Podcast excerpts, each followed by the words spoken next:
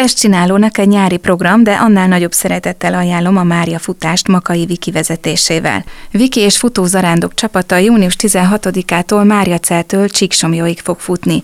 Június 19-én érkeznek Kőszegre, azaz Kőszegről Sárvára is egy lelki futásra invitállak titeket. Nem kell feltétlenül az egész távot lefutni, ez 54,8 km, van lehetőség váltócsapatot alkotni, van lehetőség becsatlakozásra.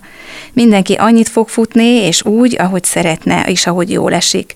Az arándok futás célja a lelki feltöltődés. Erről kérdeztük Makai Vikit. A Mária Maraton az egy 30 napos futózarándoklat. Én úgy tudom, hogy úttörő ebben a stílusban. Én nem hallottam még szervezett futózarándoklatról konkrétan, nem kell szerintem ezt olyan annyira túl bonyolultan elképzelni, szerintem magát ezt az életérzést nagyon sokszor megéljük a futásaink közben. Ez annyiban lenne más futórendezvényektől, hogy kicsit tudatosabban rádolgoznánk a lelkiségi részére, illetve a futás egy eszköz lenne ahhoz, hogy a lelkünket egy, egy kicsit gondozzuk, de hogy alapvetően most itt az lenne a fókuszban, nem pedig a lábunk elsősorban. Június 16-án Kőszegről Sárvára futnánk. Ez most hogyan zajlana? Elég, hogyha én önszántamból becsatlakozok ehhez a csapathoz, vagy van egy regisztráció, célszerű reggel együtt indulni, és mondjuk délután együtt befejezni a futást? Én azt mondom, hogy talán azért célszerű, mert hogy minden, minden napnak igyekszünk egy keretet adni,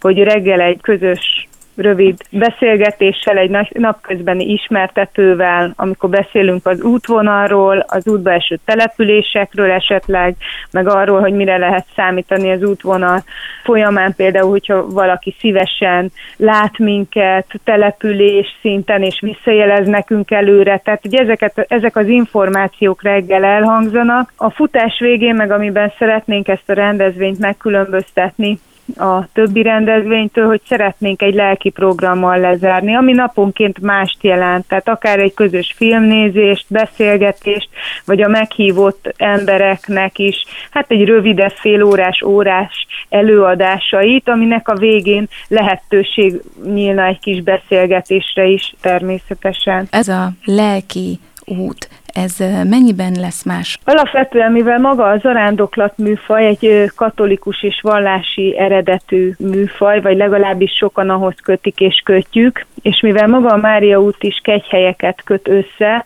ezért erőteljesebb lesz ennek a rendezvénynek a kapcsolata a katolikus egyházhoz, mint a többi más felekezethez. Én magam egyébként nem vagyok katolikus vallású, én református vagyok, de a fő célkitűzés idén úgy is vagyunk meghirdetve, hogy a rendezvény ökumenikus, és a mindenkinek a vallását, hovatartozását, és ugye amiatt, mert több országon is keresztül megyünk a nemzetiségét is, egy tiszteletben tartó esemény. A programok is nem elsősorban vallási programok, de mindenféleképpen lelki programok, és akiket behívunk a sportéletből, tőlük is lelki tartalmú előadásokat kértünk, vagy ők is lelki tartalmú előadással készülnek. Így kell ezt elképzelni, hogy elsősorban a lelkiséget domborítanánk ki, természetesen ezt mindenki a maga világnézetébe beilleszti, ahogy, ahogy a lelkiismerete engedi ezt. Azt is olvastam, hogy kerékpárral is lehet kísérni, tehát akkor azt jelenti, hogy ha én futok, a család többi része pedig biciklizik,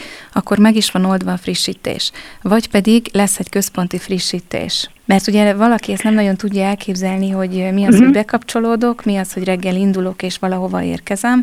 Technikai dolgokban mondjuk még nem annyira profi, mert versenyeken még nem járt, és most úgy gondolja, hogy mhm. legalább óra nélkül lehet, hogy tud egyet jót futni. Mindenképpen nagyon bátorítanám azokat, akik becsatlakoznának.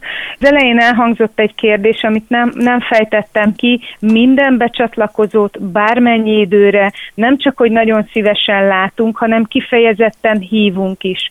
Az eseménynek van egy regisztrációs díja, ami azért van, hogy a megrendezésnek bizonyos költségeit fedezze, de hogy alapvetően maga az arándoklat is egy kicsit behívó és misszió jellegű dolog, és ezért nagyon szívesen látjuk azokat is, akik mindenféle díj nélkül, kötetlenül, nevezés nélkül becsatlakoznak a futásra, vagy akár egy esti programra, vagy előadásra. Meddig lehet erre jelentkezni? Helyszíni jelentkezés is van. Nekünk könnyebbség természetesen, hogyha valaki előre jelez, mert azért túl nagy létszámra nem számítunk, mivel ez az esemény nagyon hosszú, és ezért nem tudunk akkor a figyelmet fordítani a naponkénti eseményekre, mint, mint egy olyan rendezvény, akinek a programja egynapos vagy több órás, és ezért nekünk segítség, hogyha valaki minél előbb regisztrál, de helyszíni regisztrációra is van lehetőség, illetve aki a helyszínen nem tudott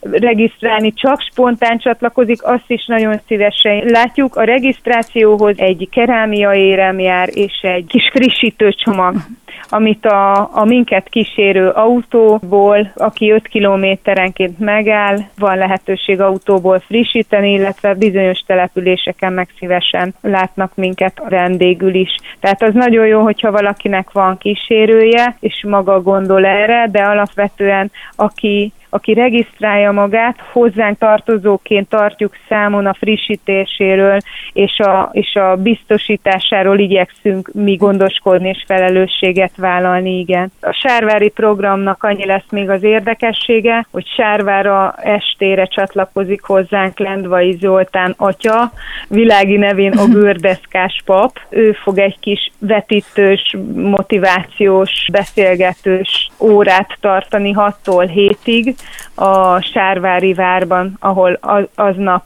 az aznapi szakasz végén fogadják a futókat, vagyis minket.